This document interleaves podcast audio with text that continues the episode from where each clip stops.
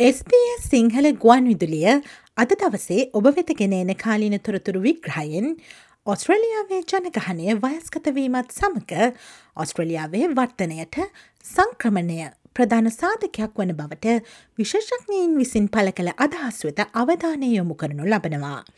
ඉදිරි වසරවලදීත් ඔස්ට්‍රලයානුවන්ගෙන් සැලකයුතු ප්‍රතිශතයක් වියපත්වීම හේතුවෙන් ශ්‍රම බලකායෙන් ඉවත් වනු ඇතැයි රජයේ ඉන්ටජෙනරේෂනල් වාර්තාව මගින් පෙන්වාදී තිබෙනවා. එම විශ්‍රාම ගැනීම් මගින් ඇතිවන රැකිය පුරප්පාඩු සඳහා විසඳුමක් ලෙස සංක්‍රමිකයන් යොදා ගන්නා ලෙසට ව්‍යාපාරික කණ්ඩායම් සහ ආර්ථික විද්‍යාඥයන් රජයෙන් ඉල්ලා සිටිනවා.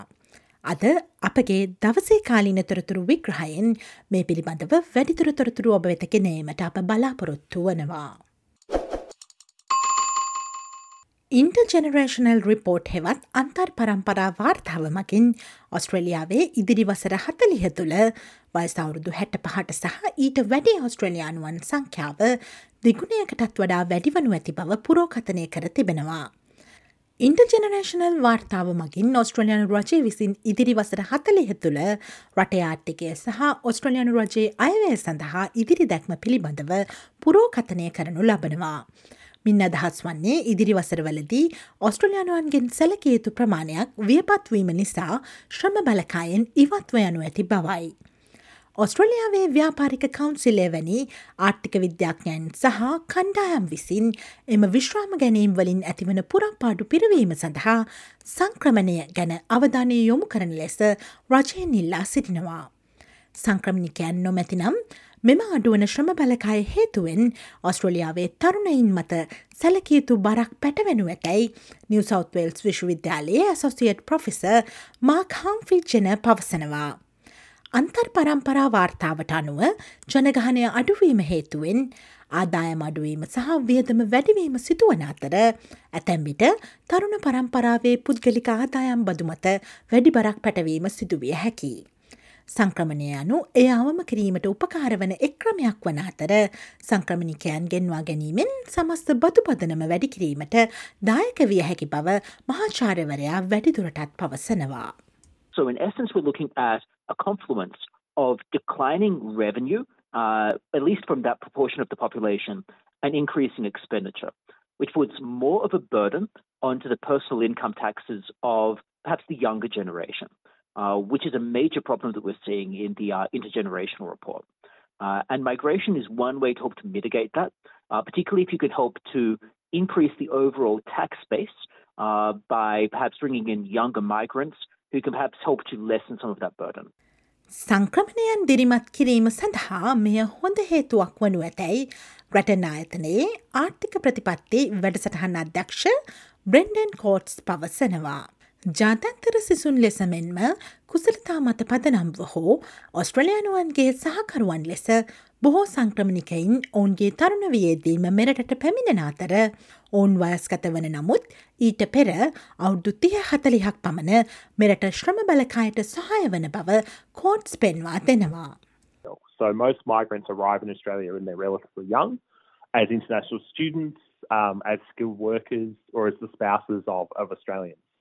And so they tend to be young. Now, obviously, they age, but they spend 30, 40 years in the workforce and smooth out, um, as a result, smooth out that aging of the Australian population and really slow it down. ඇතැම් අනෙකුත් කණ්ඩායම්ද මේ සම්බන්ධයෙන් අවධානය යොමු කරන්නටයි රජයෙන් ඉල්ලා සිටිනවා. Settlement services international හි නවක සහය සඳහා සාමාන්‍යාධිකාරීවරිය වන යමාම අගහා පවසන්නේ ඔස්ට්‍රලියාවට පැමිණි පසු බොහෝ සංක්‍රමණිකයින් සහ සරනාගතයින් ප්‍රමාණවත් භාෂා සහයක් නොමැතිකම වැනි බාධකවලට මුහුණ දෙන බවයි. ඔස්ට්‍රලියාව විසින් සංක්‍රමණිකයින්ට වඩාත් පලදායි ලෙස සහයවීමට ඔවුන්ගේ සංක්‍රමණ පද්ධතිය වැඩිදියුණු කළ යුතු බවත් ඔවුන් ලබා දෙන දෙයින් උපරිම ප්‍රයෝජන ගත යුතු බවත් යමාමා පෙන්වා දෙනවා. The, the workforce um, of migrants settling in Australia is uh, they have a lot to offer, but they uh, kind of overlooked in, in the current system because of the overseas qualification um, system. මහාචාර හම්ෆ්‍රි ජන පවසන අන්දමට සංක්‍රමණිකයින්ට ඔවුන්ගේ visa බලපත්‍රය ප්‍රධාන ගැටලුවක්ව පවතිනවා. විස සම්බන්ධයෙන් විශාල බාධක තිබෙන අතර බොහෝ සංක්‍රමණිකයින්ට ඔස්ට්‍රලියාවේ ශ්‍රම බලකායට ඇතුළුවීමට අවශ්‍ය නමුත් පවතින වීසාක්‍රමය මකින් එය අපහසු වනවා. ඔස්ට්‍රලයානු විශ්වවිද්‍යාලවල සුදුස්කොම් ලබා ඇති කුසලතා සහිත බොහෝවිට ඔස්ට්‍රලියාවේ මිතුරන් හෝ පවුලේ අය සිටින සංක්‍රමණිකයින් ඔස්ට්‍රලියාවේ රැඳී සිටීමට බෙහෙවින් කැමති වන නමුත් ඔවුන්ට කුසලතා මත පදනම්ව විස ලබා ගැනීම විශාල අභියෝගයක් වනවා. එම සංක්‍රමණ පද්ධතිය ලිහිල් නොකරන්නේ නම් සංක්‍රමණිකයන් ආකර්ශණය කර ගැනීමට අපහසු වනු ඇතැයි ඔහු පෙන්වා දෙනවා. There's absolutely barriers in terms of visas. Uh, so many migrants want to enter the workforce in Australia. Uh, we've got many graduates going through universities that really do want to stay within Australia. They've been qualified by Australian universities, built up skills over here, oftentimes built up a network of uh, friends or family over here, and they would very much like to remain within Australia. Uh, however, the visa system makes it quite difficult. Uh, so the skilled visas are notoriously challenging to get, and if we don't loosen up some of those systems, it will make it difficult to attract people. සංක්‍රමණ පද්ධතියේ විශාල වෙනස්කම් නොකළොත් කුසලතා ඇති සංක්‍රමණිකයින් ඔස්ට්‍රලියාවට අහිමි වී ඔවුන් කැනඩාව එංගලන්තය සහ ඇමරිකාව වැනි අනෙකුත් බටහිර රටවලට යාමේ අවධානමක් ඇති බව මහාචාර හම්ෆ්‍රි ජන වැඩිතුරටත් පෙන්වා දෙනවා. ඔස්ට්‍රලියාවේ ව්‍යාපාරික කවුන්සිලේද මෙම අදහසට එකගත්වය පලකර තිබෙනවා. නමුත් මෙහි දෙවන ප්‍රධාන ගැටලුව වන්නේ ඔස්ට්‍රලියාවේ ජීවන වියදම සහ දැරිය හැකිමිලකට නිවසක් ලබා ගැනීමේ අර්පොදයයි. සංක්‍රමණිකයින් විශාල වශයෙන් බඳවා ගැනීම මගින් මෙම වියදම් තවතුරටත් ඉහළයා මේ අවධානමක් ඇතැයි බොහෝ දෙනා බිය පල කරනවා. නමුත් බොහෝ විශේෂඥයින් සැලසුම් නීති සහ සැපයුම වෙත අවධානය යොමු කරනවා.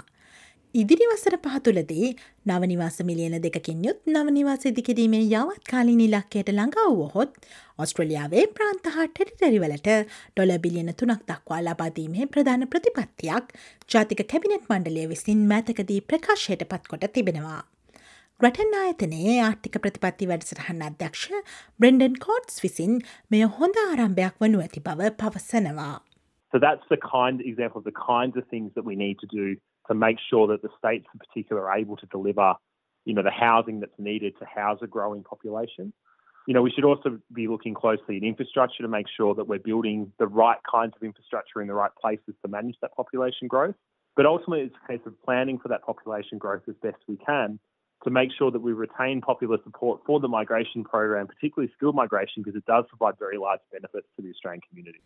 සංක්‍රමණයේ ඇති ප්‍රතිලාභ සන්නිවේදනය කිරීමටද ප්‍රධාන වශයෙන් අවධානය යොමු කළ යුතු බව මහාචාර්ය හම්ෆ්‍රිජ්ජන පවසනවා.